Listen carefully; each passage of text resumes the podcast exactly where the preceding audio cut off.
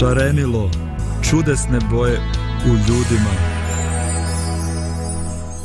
Dobar dan, dragi naši slušalci i gledalci. Nadam se da ste dobro da vas glava ne boli, pošto danas govorimo o tvrdoj glavi, ali i o tome bit će i lijeka koji, koji je usmjeren ka tome. Samo ostanite s nama do kraja emisije. Pozdravljam i moje kolege u studiju, Lidiju i Božidara. Pozdrav, Dragana. Pozdrav, pozdrav. Nadam se ste vi dobro. Jesmo, jesmo, dobro Juče me glava bolela Kad sam se probudila jutro Ne, eto, jutro sam dobro spremna za temu Ja, hvala ti da. Iako nadam... otvrdo glavi si govorim, ali dobro sam jutro se. dobro, nadam se da ćemo i to izliječiti kod nas. da. Ili da ćemo malo smekšati, ne znam. Nešto mora biti. A šta nam je sa zdravkom? Zdravko mm. jutro ima tamo neke ovaj, situacije koje mora da reši, pa je rekao, eto, ovog puta ćemo preskočiti a, njegovo učešće. Nadamo se isto da je on dobro. Ja, ljudi, ja kad se god sjetim, ovaj, kad god čujem li, e, riječ tvrdoglavost, ne znam zašto, ali sjeti me na moje one mlađe dane i godine. Ovaj, nije to da izbjegavam, ovaj, da priznam da, sam i, da imam i sad situaciju u kojima sam tvrdoglava, ali sam puno rijeđe mogu reći. To, to stvarno mogu iskreno reći. Puno sam rijeđe i tvrdoglava nego kad sam bila mala. mm. I to podsjeti me na, na one dane na moru kad poplavim svaku štrumf budem, ali neću da izla, izađem iz vode, ne zato što neću, nego zato što mi se sviđa, ja bi mogla danima da, da, da mi se stvori onako kožice između prstiju, da postanem riba ili ne znam šta. Neka mini da živim. ono, sva se smežuram i ono, mama sva tata ono me samo pogleda i vidi da, da sa mnom nema. On, on samo odmahne ruku kao pusti, ej, nemoj da se gnjaviš s njom. Alo, džaba, mama se ljuti. Da, da. I uvijek mi ta situacija, ovaj, kad se spomene ta tvrdoglavost, Um. Ovaj. Pa i meni su nekako govorili kad sam bila mala isto da, da nije, pa je da pa tvrdoglava u neku ruku, ali uvijek su mi govorili i mama kaže ja znam da ti znaš šta hoćeš. Mm ti znaš šta mm. hoćeš i nekako ja kaže s tobom nisam imala ono nekih problema sad jao pa ne znam pa kako ćemo pa tako od sitnica od malih stvari pa sve do nekih krupnijih stvari kaže nikad nije bilo tih nekih ovaj ali bilo je situacija gde gde sam malo što malo i pokazivala tu crtu tvrdoglavosti gde ja nešto hoću bilo to dobro ne bilo Ove, nekako sam Razumijem te u potpunosti. Da. da ja, nisam, ja nisam siguran da li to tvrdoglavost bila drag, Dragana to što se pričala. Tvrdoglavost bi bila recimo pa, za mene ako, ako ti tvrdoglavo odbijaš da odeš u vodu, i, lju, i roditelji ti govore pa to je dobro za tebe, voda je super, a ti imaš neku svoju fobiju ili nešto i nećeš i nećeš. Za mene bi to više bila tvrdoglavost. a pa dobro, i ovo je tvrdoglavost. Ako ti roditelji kaže da nije dobro za tebe toliko dugo da ostaneš, a ti kažeš ne, ne, ja znam šta je dobro za mene. Pa to je više pa, neposlušnost, bih ja rekao. Jer ne radiš ti ništa loše, mislim. Ti se kupaš, tebi voda prija,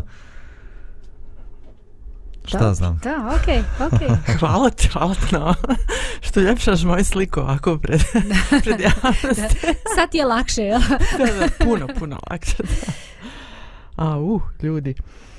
Ovaj, ne znam, ovaj, jel, jel za vas tvrdoglavost pozitivna ili negativna osobina? Ja sam slušala razne ljude koji govori, ja sam bila nekako, ono, ja sam imala mišljenje e, dotad, I onda mi se počelo klima to mišljenje da je tvrdoglavost nekako negativna osobina, naravno imam i ja, ali je, ne spada baš među one sad pohvalne. Ali oni su rekli nešto drugo ovaj, u vezi toga da zavisi zapravo tvrdoglavost od nečeg drugog. Ali prvo da vas pitam, mm -hmm. šta, šta vi mislite? A ja sam baš načuljela uči da čujem, da, da vidim šta drugi Aha, misle. Ostavit ću vas ovako na, ja. napitosti. Pa ne znam, za mene je trudoglavost baš jedna negativna osobina. Mm.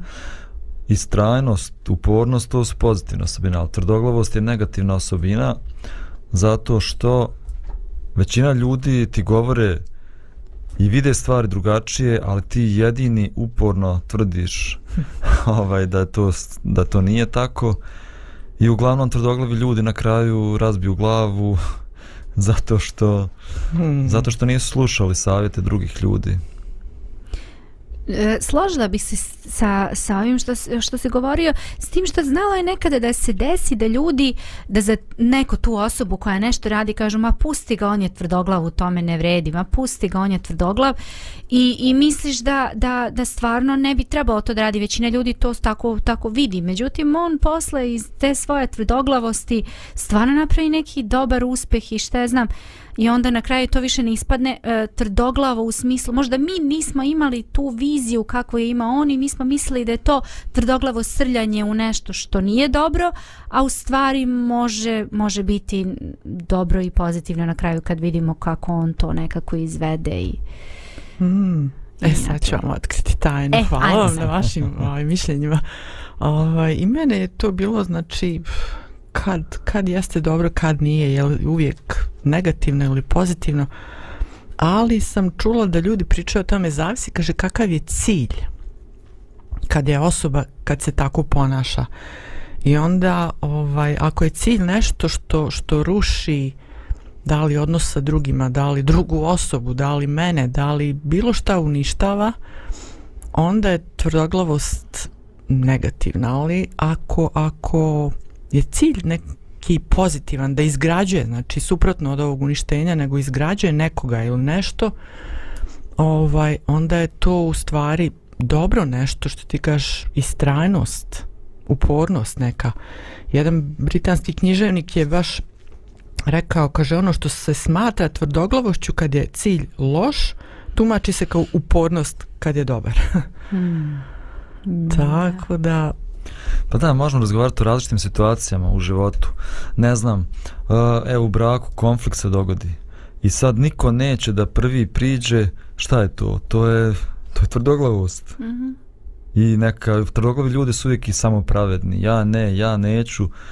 Neću da priđem prvi jer ja nikad, jer ja nisam kriv. Ona treba meni da kaže, da priđe, da se izvini. Mm Ovaj, ne znam, eto, meni pomaže, ja govorim uvijek o tom nekom mom jutarnju vremenu sa Bogom i molitve i meditacije. Posle toga uvijek me nekako Bog ponizi, da ja trebam da budem taj koji će prvi da priđe i Bog slomi tu moju tvrdoglavost. Ali s druge strane, kada eh, govoriš o nekom poslu, i Lida je govorila o nekom poslu. Ako, ti je, ako imaš neki životni poziv i osjećaš da to tvoj životni poziv, može, može, sva, može bilo ko da te sputava u tome, da ti govori da to ne trebaš da radiš, ali ako osjećaš u svom srcu da je to ono što, što je tvoj životni poziv, trebaš da idem tim, tim putem. To opet za mene nije tvrdoglavost. Ja nekako tvrdoglavost uvijek imam u glavi ljude koji, koji se svađaju, koji, ne znam, uporan čovjek, on će da radi svoje bez neke prevelike polemike sa ljudima, niti će on da ubjeđuje druge ljude da je to ispravno što on radi, ali on zna to je put kojim treba da ide i ja ću to da radim. A tvrdoglavi ljudi nekako ubjeđuju se s ljudima, svađaju se s ljudima, ne znam, tako bar moja neka slika, ne znam je li to ispravna definicija. Pa I ja isto tako nekako vidim. Za mene nekako tvrdoglavost baš nije uopšte pozitivna osobina, eh, jer može biti eh, samo ako je upornost, znači tvrdoglavost može biti zamenjena upornošću. Tako, isto tako nekako ja kažem, možda ja tako o, posmatram stvari, da, da nekad smatramo da, je, da smo, to ono što sam malo prepričala, mislimo da je neko tvrdoglav, a u stvari on je samo uporan jer on vidi stvari iz drugačije perspektive nego kako je mi vidimo. Onda mm. u tom smislu mm. može biti uporan, ali tvrdoglavost definitivno im, u moje glavi nekako baš ima negativnu konotaciju. Mm. Pa hvala vam na vašim mišljenjima. Ovdje ne tražimo sad ono ispravan odgovor. Da, da. Baš, baš se radujem kad, kad svako kaže to što misli. um, I sad ćemo ovaj, da, to, to se baš lijepo spomenuo, ta, ta poniznost ovaj, iz, ujutru, znači kad, kad razgovaraš sa Bogom, onda znači kad Bog te smekša, ovaj, to, je, to je stvarno nešto super. Uh, I ovaj, sad ćemo i pjesmicu imati, ali ne o tvrdoglavosti, nego o miru. Znači, zove se uh, na jevrijskom šalom pjesmica, tako da ćemo, valjda i mi da smekšamo malo. Zove. Pjevajte s nama. Može. Šalom.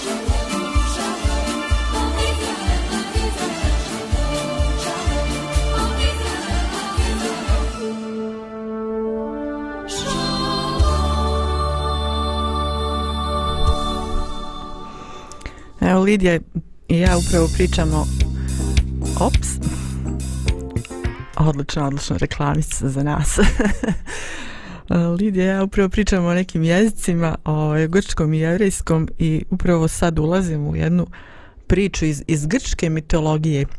Radi se o Sizifu, o, mislim većina vas, da ne kažem svi znate o Sizifu, ali evo ja ću još malo spomenuti njegov background, što bi rekli englezi.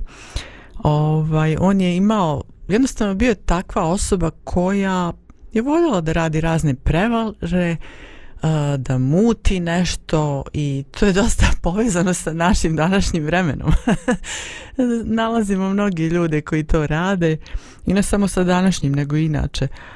Znači to je jedan lik izmišljena, znači ono, grčka mitologija on je radio razna ta zla dijela i zbog toga je naravno bio osuđivan da, bu, da poravim na raznim mjestima gdje ti ljudi budu, odnosno likovi, i kao za kaznu.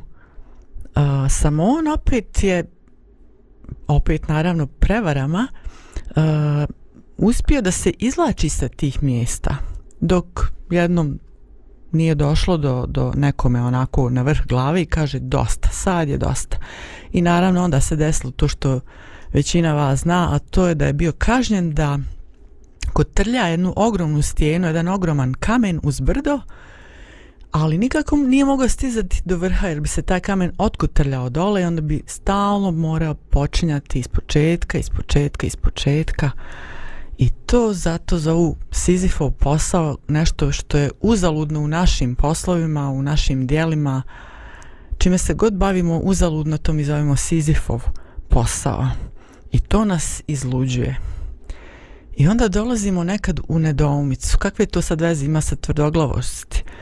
Pa zato što hm, kad krenemo nešto da radimo i vidimo da ne može i ne može i ne može nikako uh, šta, šta, šta dalje da radim? Jesam ja tvrdoglava tad ili, ili trebam biti uporna? Ili se ne, ne, ne mogu obeshrabriti tad? Da li pokušavam da dobijem neki kredit pa mi oni ne daju? Da li pokušavam da dobijem dokumente neke važne pa mi isto neki tamo oni ne daju? Šta dalje da radim? Je li to neki uzaludan posao ili... I onda to izluđuje ljude. I onda možda se neki rijetki pitaju da li sam ja tu greška, da li sam ja tvrdoglav ili, ili šta, kako nastaviti dalje. To su baš nedoumice koje nekako čovjeka m, mm, e, teraju da se pita određena pitanja koja mogu da mu nekako poljuljaju ličnost ako on, ako on um, odgovori onako kako ne treba da kažem. Da li ste razmišljali možda ovaj, o, tim, o tom Sizufovom poslu i o tvrdoglavosti, kakva je povezano sa tim? Pa ovako, ja mislim da problem sa problem sa tvrdoglavošću je što se ljudi boje promjene. Ne znam, taj Sizif a, mogao je da, dobro, on, njemu je to bilo naređeno da radi, a to je bila kazna za njega, ali eto, mi često radimo neke poslove uvijek na isti način zato što se bojimo da promijenimo nešto. Organizacije, ljudi, firme, kako ono negdje piše, ako uvijek radiš stvari na isti način, ne možeš očekivati drugačiji rezultat. Bravo. Ali ne, mi smo tako navikli i mi uporno, tvrdoglavo, radimo to isto, a očekujemo neke bolje rezultate i očekujemo neki uspjeh. Ovaj, znači, to je, to je problem. Također, govorili smo kako je upornost vrlina, nešto pozitivno, ali to vrlo rijetko. Većini slučajeva mi radimo u timovima i u timu ti jednostavno moraš Iako smatraš da je to jedini način, da je to najbolji put, ali moraš da se povinuješ odluci grupe i da taj svoj, svoje mišljenje opet povinuješ mišljenju svih nas zajedno i da shvatiš, ok, nije ni važno da li je sad bitno da mora biti po mome i da se mora raditi po mome. Ako većina smatra da ne treba, onda trebam ja da se uklopim u sve to i da radim zajedno sa timom. Znači baš u rijetkim situacijama je upornost da mora biti moj put, da ja moram ići tim, tim putem pozitivno. U većini slučajeva se upornost pretvori u tvrdoglavost. Mm, odlično, odlično. Da, da, da, da. Pa, Ja mislim da da puno zavisi od onoga ko vodi recimo grupu ljudi koja radi nešto zajedno i od te osobe ako ta osoba ima neku viziju i stalno motiviše sad dobro reče o motivaciji ali ako ona dovoljno dugo istraje u tome što želi onda onda nekako i grupa sledi tog nekog vođu iako naravno naravno dobar vođa će uvek poslušati savete i ono što ljudi koji su u timu uh, misle i smatraju uh, ali s druge strane dosta zavisi od toga znači koliko je ta osoba stvarno nekako koliko silnu želju ima i pored svih e, neuspeha i možda nemogućnosti ipak da nastavi da izgura E sad, pitanje je dokle treba ići u tome. Ja mislim da možda je to i bilo prvenstveno pitanje koliko treba istrajati u tome ako vidimo da možda ta, to što radimo ne, ne daje rezultate. Pa ja mislim da zavisi od situacije do situacije, od okolnosti do okolnosti. Postoje stvari, o, obično kažu, znaš ono kad ti je najteže odustaneš, a ti si taman blizu cilja, taman da ostvariš to što ti treba. Tako da ovaj, nije taman lako da staviš uvek... tu kuglu na vrh. Jeste, taman da dođe do... Ovaj, tako da nije uvek lako odlučiti kažem treba naravno se konsultovati i razmišljati mislim da je baš od situacije da situacije zavisi da da da to je sve unikatno pošto smo i mi svi unikatni onda ne, ne znamo šta od sebe da očekujemo da, da. Ovaj, mo, možda puno, puno sti sa stvari spomenula možda puno pričati najčešće su vođe tvrdoglave zato što često oni imaju svoju viziju kako to treba se radi i onda to nameću timu kojeg oni vode. Pravi vođa bi u stvari trebao da zajedno stvara viziju sa timom koji, koji vodi. Da oni također ne samo budu izvršioci nekih njegovih planova, nego da oni također učestvuju u stvaranju planova, jer će onda naravno imati više motivacije i da rade na ostvarenju toga mi imamo često diktatore, vođe, vođe koji naređuju, vođe koji lupaju šakom od sto. Ovaj, danas, u današnje vrijeme jednostavno to ne prolazi. Ljudi ne žele da slijede više takve vođe. Nekad je bilo, prije 50 godina. Mm, Ljudi su takve jesu. vođe tražili. Ako nisi bio takav vođa, on neće te slijedi zato što je nesiguran. da. Mm, da, da, da. Zanimljivo, ovo je baš ovaj... Um, A to što je spomenuo ranije, znači i ono, u bilo kakvom odnosu sa, sa drugim ljudskim bićem, da li u pitanju brak ili, ili posao, ko što smo sad pričali, ili bilo šta, znači nepoznata osoba na ulici ili u radnji, ha, zavisi ka, kakav je naš stav prema toj osobi, kako se mi ponašamo i, i um, ko će, ja uvijek, uvijek podsjeti me na ono, znači, ko će prije da trepne, znači, ono, kad ovako glašu nekoga je ono, i natiš se, onako, znaš, i sad neću ja da trepnem, a ono mene peče u očima, znači, normalno, znači, tako su mi oči, oči mi kažu, i e, zaklopi prvo da me, da me malo osvježiš, pa onda nastavi dalje sa tvojom, s tvojom mhm. tvrdoglavosti. Da. Ali, to je ono, znači, Uh, u nas je neka bojazan, neki strah. Ako, ako ja uh, prvi trepnem, ako ja kažem da sam ja pogrešio, ako ja kažem ovo, onda će ja ispast taj slabić. Mm. Da li u braku, da li u prijateljskim odnosima ili bilo gdje, znači ako ja to smo uvijek razgovarali tamo, znači ako se ja otvorim, ako priznam da sam jedno grešno biće, onako lomljivo, onda, onda gotovo je sa mnom, ja propadam, smak svijeta za mene. Ja, u stvari tek tu postajemo veličine i post, ne veličine u onom smislu, nego veličine u smislu e, da, da, da otvaramo sebe i, i, i želimo da, da steknemo neki bolji, bolji odnosa sa ljudima sa kojima radimo. Kao dio nekog treninga za jačanje. Pa da, govorili smo na početku da je tvrdoglavost povezana sa ponosom E, samopravednost, ponos, ego naš. Um, ne znam, treba razmisliti, znači šta je sad važnije? Da ja u svojoj glavi budem supermen ili da imam dobre odnose sa ljudima, da me ljudi vole. Da. Koja je cijena toga da, da imaš takav, tako mišljenje o sebi? Pa nekad ljudi, vidiš, vole da ih drugi...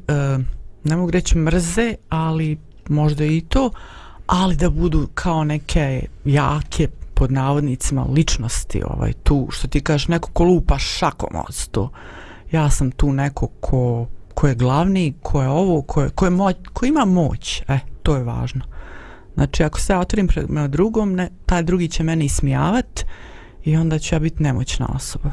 Hm. E, to je, juče, sam, mislim, juče sam slušao jedan vaš fantastičan primjer. Možda nije direktno vezan za ovo, ali možda i jest. Uh, kaže, neki čovjek, zaboravio sam mu ime, u banci je radio i bio je njegov posao, njegov posao je bio da zove sve one ljude koji su dužni banci, novac, i da ih ubjeđuje, da im prijeti, da vrate novac ti strašno da. Zdržavam se Dragane, dobro mora. je nama ovde Ali to je bio njegov posao I svaka banka ima nekoga ko, ko je zadužen da zove sve klijente Koji su dužni novac I znači vrlo je mali procenat Onih koji su uspješni u tome Uglavnom ljudi ne vraćaju novac Ili izgovaraju se I tako ovaj čovjek je razmišljao Pa kako da ja budem uspješniji u tom mom poslu Da ljudi vraćaju novac banci. I onda je shvatio da mora da promijeni svoj posao i, i ono uobičajno kako se radi sa tim klijentima, mora da razumije svoje klijente. I onda je odlučio, šta je uradio? Shvatio je da većina ljudi koji ne, mogu, koji ne vraćaju novac su nezaposleni i ne mogu da vrate novac jer su nezaposleni. Al govo, I oni im to govore, ja ne mogu da vratim jer nemam zaposlenja, nemam odakle da vratim. I onda je on počeo da pomaže ljudima da nađu zaposlenje prvo ih je doveo u banku, onda im je pomagao da, kako da napišu svoj CV. I učio ih je kako da napišu svoj CV. Pa ih je onda učio kako da razgovaraju kad dođu na intervju za posao. I tako ih je obučavao kako da nađu posao i pomagao da me nađu posao. A, poslije nekog vremena, ti ljudi ne samo da su vratili svoj novac koji su vrat, dugovali banci, nego su davali mnogo više nazad banci jer je banka njima pomogla u životu i bila je zainteresovana za njihov život. Gde to bilo, Bože? e, čovjek je dobio Nobelovu nagradu. Za, evo, ne, zaboravio sam ime. Čovjek da, da. je dobio Nobelovu nagradu za staj svoj pristup tom problemu u banci. Aj, sad pa razmišljam da li da završimo sad ovdje emisiju. Da. Ovo je fenomenalno. Pa ima i onih primjera isto, ovaj, e, primjera, ne znate, onog sudiju uh, ne znam kako se beše zove, onaj stariji jedan e, sudija, gospodin, a, gde, gde on poziva tako svoje klijente i onda on slu... Mi klijente, čuj mene, klijente, ne klijente, nego ljude koji su, eto, treba da budu osuđeni za nešto što su uradili ili što nisu uradili i onda on, on jednostavno sasluša priču te osobe i onda on čuje šta se desilo. Znači, njemu nije bitno samo da li je ta osoba pogrešila, nego on sluša sve i daje onda svoje mišljenje i daje neku možda ili blagu kaznu ili skroz ovaj eh, znači ukine tu kaznu ili na neki način znači sasluša sagleda sve i onda znači donese odluku koja jeste to volimo da vidimo jer je to ispravno tako treba kako bi to bilo super kad bi funkcionisala svuda a ne drži se onog što ti je rečeno to radi to, to što smo voljeli na svojoj koži da osjetimo kad se yes, nađemo u neku jest, jest. a da li smo mi prema drugima takvi, ja čoveč uh, ovo me je podsjetilo na, na neke pa, i na stara vremena ali sav taj princip je i danas aktuelan a to je da, da su i nekad isto davno, davno živjeli tvrdoglavi ljudi tvrdovrati što kažu stari mm. spisi o, jevrijska riječ koja se upotrebljava u tim spisima, a koja, zna, koja je prevedena kod nas kao tvrdoglav, znači onako moralno uh, svo, svoj jeglav, buntovnik neki, kao, kao neki otpadnik. I sad spominjem da, Boži narod je bio često, često takav. Mm. Kad neko kaže, znaš, da je moralan, da je, da je ovakav, onakav, da je da mu je srce čisto da ovo, ma ko može od nas reći da, da smo mi 100% takvi? Možda doživljamo takve trenutke, da, i treba, i da se razvijamo i sve. Ali da kažemo uvijek da smo takvi, ne, Boži narod je bio često takav i baš Mojsi je davno zapisao u svojoj petoj knjizi. Kaže, još mi reče gospod govoreći, pogledah ovaj narod i to je narod tvrda vrata. Hm. Ali on je isto kao i ovi ljudi ostao sa tim narodom, vodio ga, trpio svašta od njih, imao strpljenja, ma ne znam, ne znam šta da kažem, jednostavno zato što je on takav, eto. Ali evo vidimo i ove primjere, ljudi mogu biti takvi da se razvijaju vremenom i ima, ima nade za nas. Hmm. Da samo spomenem još nešto što ovaj jučer predavač govorio, mi hoćemo da promijenimo ponašanje ljudi, ali ne možeš promijeniti ponašanje dok ne promijeniš njihovo razmišljanje. Mm. Da, sve U, ide iz glave. Mnogo, mnogo Tako da reči. to je, to je isto neka tvrdoglavo. Znači ti uporno pokušavaš da promijeniš ponašanje, ne sviđa se ponašanje i ti stalno pokušavaš to, kritikuješ to, opominješ, govoriš, a ne svataš da se mora prvo promijeniti razmišljanje. Mm a razmišljanje se promijeniti samo kad mi promijenimo svoj stav prema toj osobi, pokažemo razumijevanje, istinsku želju da razumijemo, pomognemo. Hmm. Evo konkretno primjer, baš Božo odlično si ovo spomenuo. A, mi smo recimo našu decu evo već godinama nagovaramo da čitaju knjige. Oni nisu tipovi koji će sad prirodno uzeti i čitati.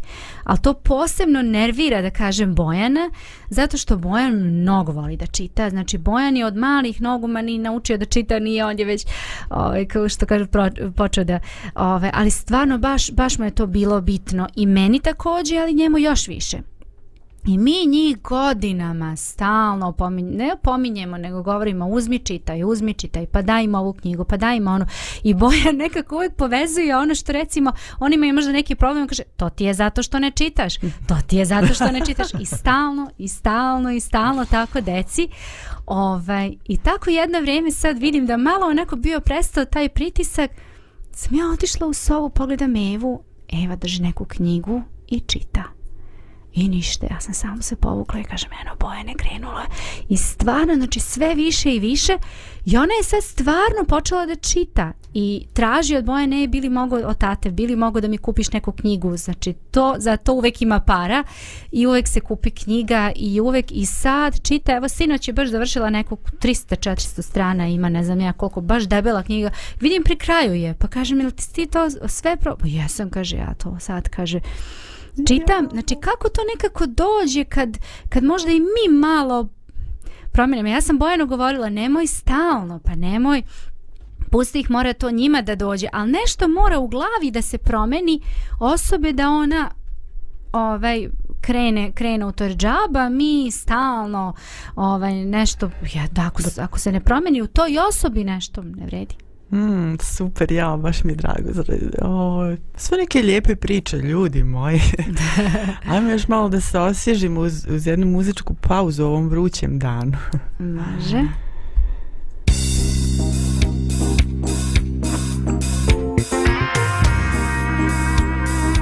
Radio Pomirenje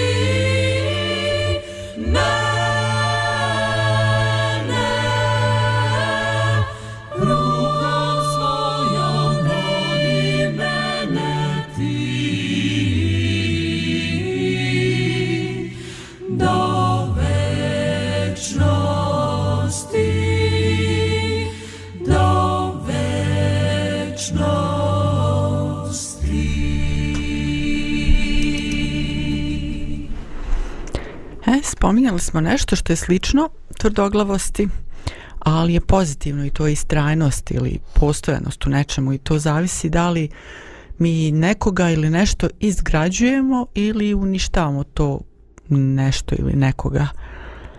Znači, ipak zavisi kakav je naš cilj, kakvi su naši motivi. A sad jedno kviz pitanje. Uh, Da li znate šta je to suprotno od tvrdoglavosti? A spominjali smo tu emisiju. Evo prvo da prvo pitanje za naše ovaj slušaoce i gledaoce. Jel se sjećaju šta su oni slušali i gledali? Dobro, aj nećemo sad njih.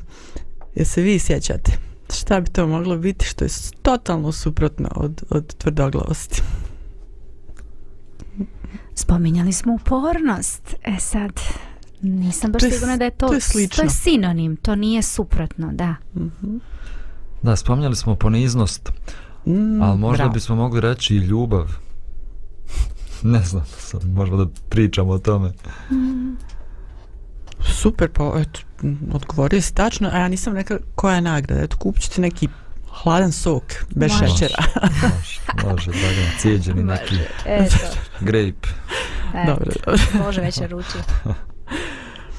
Da, da, spominjala smo to i baš tu riječ i, i, i nedostatak kod, kod raznih naroda, ovaj, da li u prošlosti, da li u, u sadašnjosti, tog, tog nekog, te neke poniznosti, te neke mekoće zapravo. A, šta mene može da...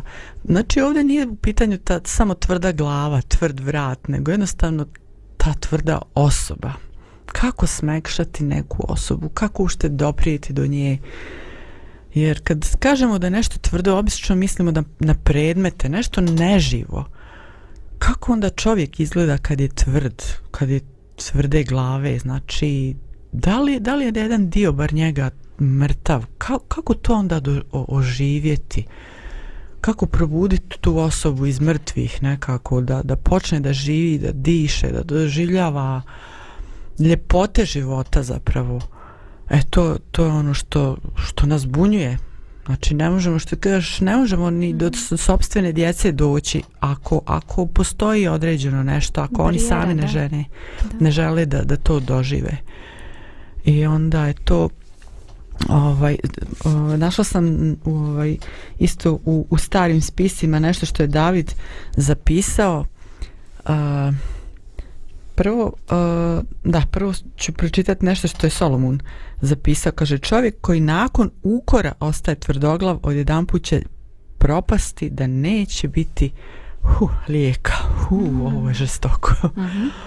znači to nije samo jedan ukor to je uporno i uporno i ostane tu tvrdo srce ali ima nešto drugo kaže David uh, govori Bog uh, čovjeku kaže urazumit ću te i pokazat ću ti put kojim da ideš savjetovat ću te oko je moje na tebi mm. nemojte biti kao konj kao mazga bez razuma kojima uzdom i žvalama valja obuzdati gubicu kad ne idu k tebi wow mm.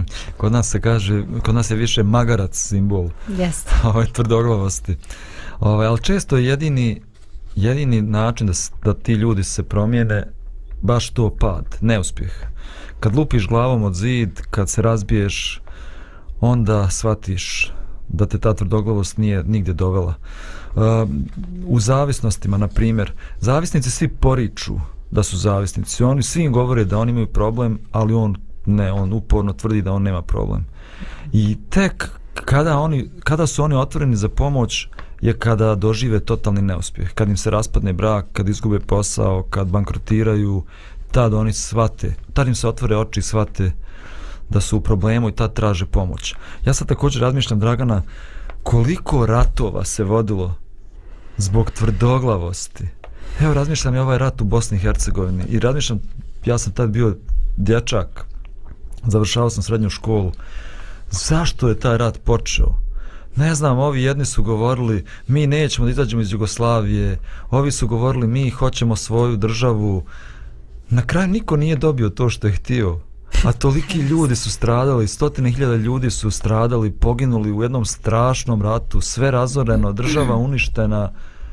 Na kraju niko nije dobio ništa ono što je što je na početku htio, svako je, svako je bio poražen u tom ratu. A zašto tvrdoglavost nekih ljudi koji nisu mogli da se sjednu i kažu pa dobro, ja ću da popustim malo, pa nije to vrijedno života nijednog jedinog života, je. a ne sto hiljada ljudi da strada u tom ratu zbog neke moje ideje koja, koja se na kraju nije ni ostvarila. Zar nije ljudski život najviša vrednost i najveća vrednost, ali eto u tim. Te situacije ne pokazuju da i nije. Ali eto, tvrdoglavost je problem i u braku. Brakovi se raspadaju zato što niko neće da popusti, da što niko neće kompromis neki da stvori, da ga kaže pa dobro, nije najvažnije da ja budem u pravu. Mm -hmm. Pa mogu ja malo da se povučem, da neka svoja prava žrtvujem za dobro porodice, djece, nego ne, mi smo svi eto toliko tvrdoglavi, uporni u ostvarivanju nekih svojih zamišljenih stvari, ne znam, eto, dovodi, dođe do toga da na kraju krahiraš i onda shvatiš da to nije bilo vrijedno uopšte. Uporni u, u, u pogrešnim ciljevima. Da. Jest, I, jest. Iz pogrešnih motiva. Da, da. Ja ću samo možda i iz svog primjera da, da kažem da, da recimo ja sam nekako prirodno, naravno kroz život naučiš da, da moraš nešto raditi i pod pritiskom i kad znaš, kad postoje situacije gdje ti moraš neke stvari da odradiš, tad u to vrijeme tako, bez obzira što, ali, ali moja, moja prirodna odlika jeste da pusti me, Znači, nemoj, kaži mi, ali povuci se, pusti me, da ja malo razmislim o tome, da ja malo to vidim i nemoj stalno, stalno, stalno pritisak da nešto mora.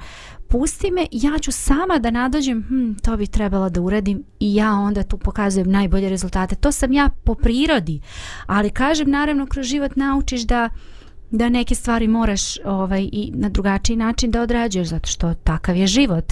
Um, ali e, kažem e, bez obzira na te neke osobine naše mi učimo ja je to bar iz svog primjera kažem učimo da da se prilagođavamo životu Znači i da, da ne trebamo uvek da, da zamišljamo da je život idealan, da sve treba da bude onako kako mi mislimo da treba da bude, pa prilagodi se, malo budi fleksibilan, nemoj uvek da budeš tvrdoglav u svojoj nekoj nameri i načinu na koji ti smatraš i misliš da treba, već malo popusti, malo sagledaj drugim očima, pusti. A koliko puta mi se desilo recimo da uh, Da tvrdoglavo nešto nisam htela i nisam uporno htela, a sam morala i onda posle kad sam videla pa čovječ, uopšte to nije tako loše kao što je meni izgledalo onako u mojim očima i kažem pa baš je lepo, baš je super. Ja, pronalazimo se, bar se ja pronalazim u ovome. Mm. a što kažeš, ovaj, kad, ja sam isto osoba koja voli da, da je puste, da bude da ima tu slobodu da odlučuje jednostavno, ali život nije uvijek takav. Jeste nekad, nekad sam primijetila, dobro to je ređe, da pod pritiskom je došlo ono najbolje iz mene, mm -hmm. ali to mogu nabrojati na prste, znači ovaj, kad se to desilo, ali više ono sloboda. Znači da ja pronađem to što sam ja sada i ovdje i šta ja želim da budem u budućnosti tamo i ondje mm -hmm. i onda znači slijedim taj cilj i onda, onda mogu normalno da, da to teče jednostavno iz mene da neki dobri rezultati ali ovaj pročitat ću sad nešto što sam našla ovaj na jednom sajtu znači tuđe su riječi i šta kažu da je u stvari tvrdoglavost kaže tvrdoglavost je ostajanje kod svoga mišljenja po svaku cijenu mm -hmm. znači svoje mišljenje po svaku cijenu i tvrdoglavost služi našem ponosu Znači, to nije neko ostvarivanje našeg cilja, bez obzira šta mi kazali sebi o sebi ili drugima o sebi. Ja, ja to radim zato što želim dobro drugima, što tebi želim dobro, što želim ovom svijetu dobro, ali kad malo čačkamo onako šta je u nama, onda otkrijemo ako smo tvrdoglavi da je to i neki, neki naš ponos i, i, i, i, i strah, i znači ide na onu negativnu stranu a što se tiče uh, te duhovne strane uh, postojanost kaže se da uh, postoji ona postojanost u vjeri uh, znači ne govorim ne o nekoj tvrdoglavosti nego baš postojanost i strajnost u vjeru i ona je u stvari uh, kada se praktikuje ona je posljedica provjere ili testa. I ovo što si ti sad govorila i to da na život jednostavno nekad testira da vidi kakvi smo mi, da li smo mi stvarno tako dobri kao što bismo željeli i tvrdimo da jesmo. I ova postojanost u vjeri a, rađa se iz toga, znači stvarno otkrivamo kolika je naša vjera u višu silu, ne u nas, u naše dobre osobine, u naša dobra dijela, nego u onoga koji je nas osposobio da živimo i koji i sam kaže, čitala sam, stoji uz nas i njegovo je oko na nama. Postojanost je uh, ono što, što su tuđe reči, čitaću to, postojanost je, kaže, nepokolebljivo stajanje uz Božje mišljenje, a ne vlastito. U. Hmm. Hmm, hmm, hmm. Znači i tu se trebamo Mogu ja malo o tome da kažem? Kaži, kaži. Zato što taj život vjere je potpuno suprotan od tvrdoglavosti. Jer u tom životu vjere sve ti je nesigurno. I ne vidiš ništa ispred sebe, nego živiš s povjerenjem da Bog vodi tvoj život. Um, ja sam u svom životu, ja mogu da pričam malo u svom životu i u iskustvu nekih mojih prijatelja. Um, ne znam, u svom životu sam radio tako mnoge stvari gdje sam vidio da Božje vodstvo i vidio sam da Bog me poziva u nekom smjeru, a onda se dogodi da se stvari preokrenu i Bog te poziva u nešto nesigurno. Mhm. Poziva te da ostaviš nešto gdje se ti osjećao siguran, gdje si osjećao se uspješan, gdje si kroz taj svoj posao izgradio neki ugled, identitet svoj. Uh, I onda te Bog pozove da to sve ostaviš i da kreneš u nekom drugom smjeru. I to nije jednostavno. Jer se pitaš zašto? Zašto to trebam da ostavim? Ja, ja sjećam se jednog mog prijatelja. Znači, on je radio jedan posao koji je bio fantastičan, znači, humanitarni posao i bio jako uspješan u tome. Ali ga je, ali ga je taj posao toliko obuzeo da je to postao cijeli njegov život brak mu se raspadao, porodica se raspada, e, tu na poslu hiljadu problema ima. Ja njemu kažem, a šta misliš, šta misliš kad bi te Bog pozvao i rekao, ja imam za tebe jedan drugi sada posao, želim nešto drugo da radiš u životu. On kaže, ali to je nemoguće.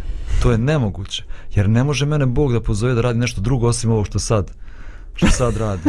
I on se uporno drži toga i mislim to je stvarno dobar posao i kažem humanitarni posao. Mnogi ljudi imaju blagoslov od toga, ali kažem i njegov život se totalno raspada i porodica i sve se raspada zbog tog posla, a jednostavno ne možeš da shvatiš da možda Bog želi da pustiš to i da Bog možda hoće nešto drugo sad radiš u životu ili, ili da se malo barem izbalansira tvoj život i da fokusiraš se na neke druge stvari u životu. Da, to spominje tu promjenu, kako mi ne volimo naš promjena, pogotovo mm -hmm. ako smo u, neke, u nekom dobrom okruženju, što bi ja to mijenjao za pa nešto? Ja, tu se osjećaš ti ugodno, sigurno, to ti je neka tvoja komfort zona. Da. Uh, jednostavno, nesiguran si kako da sad izađem iz toga. I to ulazim u nešto nepoznato, možda Ali i opasno. Ali život sa Bogom je uvijek to, uvijek je to poziv u nesigurnost gdje ne vidiš ništa, ali, je, ali imaš povjerenje da Bog najbolje zna. Možda, će biti, možda ćeš se sto puta gore osjećati, možda će to biti put nekog put Golgote koji skroz ćeš mora da prođeš, ali opet imaš povjerenje da Bog zna šta radi i da te Bog provodi kroz život, kroz okolnosti kroz koje On želi da te provodi da bi te izgradio. Mm, ne je... da bi ti postao uspješan, nego da bi te izgradio. Da, da, da, pa to je to. Ne, ne, ne želi Bog nas da, da uništi. On nije neki tvrdoglavi Bog, on želi nas da izgrađuje, da nas razvija, da, da živi s nama, ako je moguće vječno, ako želimo mi, naravno, kažem, ako je moguće, mhm. to, to u prevod znači, ako, ako ja želim da se pridružim njemu u tome svemu, um, ta, ta, a, to što se sad govorio, znači, to... Uh, um, ostavljanje nekih stvari, znači to, to zna biti jako bolno. I ta, to je zapravo poniznost. Kad se uništava taj moj ego, to je ono što se uništava, a u stvari izgrađujem se ja onaka kakva zapravo treba da budem, kvalitetna ja u tom svemu.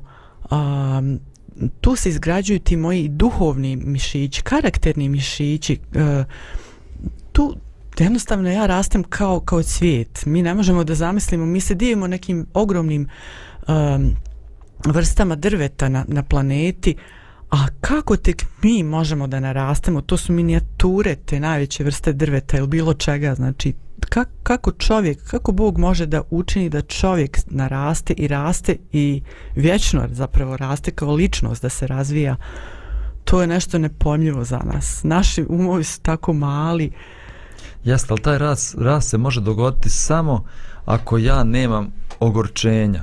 Bravo.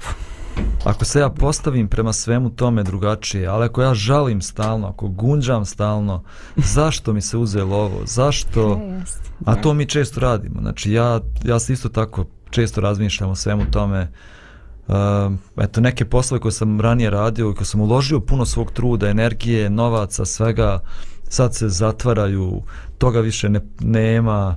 Ja sam vodio jednu šivaonicu gdje su radile žene invalide, evo sad prodajemo mašine, te sve, to se zatvara. I sad ja mogu da plačem i da kukam i zašto, mm. zašto, zašto to više nema, zašto se to uzelo od mene. Ali mogu tako ću vam pozitivan stav i kažem, hvala ti gospod za tih sedam godina yes. ovaj, blagoslovenog života i što sam upoznao sve te žene i imam povjerenje da ti sad želiš da ja radim nešto drugo i prepuštam se pos tebi potpuno i neću da gledam unazad i neću da gunđam i neću da plačem. Nije to jednostavno, ali tad jedino mogu da rastem. Ako stalno gunđam i stalno se okrećem unazad, ove, nemoguće, nemoguće da se izgradim i da rastem.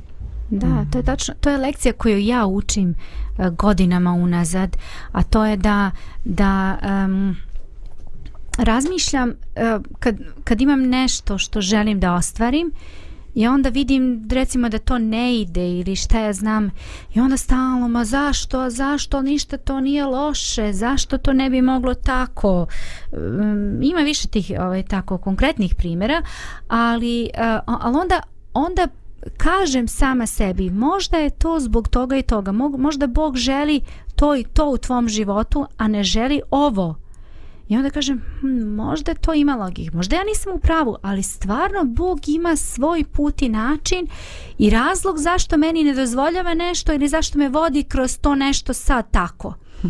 Ja to hoću da bude drugačije jer ja to mislim tvrdoglavo da je to to. A Bog kaže, možda, sagledaj malo iz druge perspektive. Kako mi strašno izgleda kad sagledam iz te druge perspektive, jer ja ne želim da vidim tu perspektivu, ja vidim e, svoju bravo, perspektivu. Bravo. Ali učim da kažem, Bože, možda je ovo drugo što ja vidim upravo ono što je za mene i možda ti drugačije vidiš nego ja vidim ovaj neke stvari i učim da prepustim Bogu da kažem Bože puštam se pa ti vodi sad kako ti smatraš da treba Da, možda sam i da dodam još. Ali Bogu uopšte nije bitno ovo ili ono. Šta ćeš ti da radiš u životu? Na, nama da. to izgleda bitno. Jest. Meni uopšte nije bitno šta će moje dijete da bude u životu. Ali mi je bitno da bude pošteno, da bude Tako moralno, je. da bude odgovorno, Tako da bude vrijedno. Ja sad mog Daniela šaljem dve nedelje u Vojvodinu na selo kod jednog mog prijatelja da radi na njivi. Mm Mhm. Ja sam obećao ću ga dobro platiti za taj posao i on je motivisan novcima, zaradit će novac, ide dve nedlje tamo. I on sad može da gunđa, možda misli moji roditelji mene ne vole, ali ja radim to zbog njegovih najboljih interesa, zato što želim da on stekne radne navike.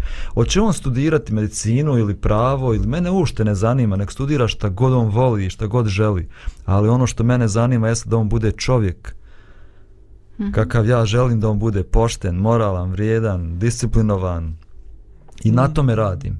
Dovodim ga u takve okolnosti da to nauči i da to postane. Wow, super. Šta drugo možemo sad, osim da, da, da pjevam uz neku pjesmicu koju će nam Lidija pustiti? Može. Radio, radio, radio, radio,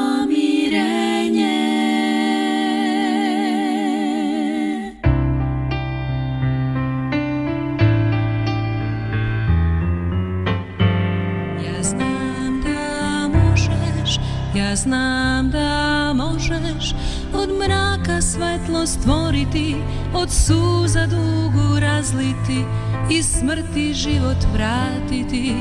Ja znam da možeš sve. Ja znam da možeš, ja znam da možeš od pola biser stvarati, od znoja hleba davati od truda mnogo radosti, ja znam sve možeš ti. Može li slomljeno krilo ponovo leteti nebu, mogu li čovek i žena ponovo naći sreću, mogu li rane zarasti i sužnji doći slobode. Dali se žedne duše mogu napiti vode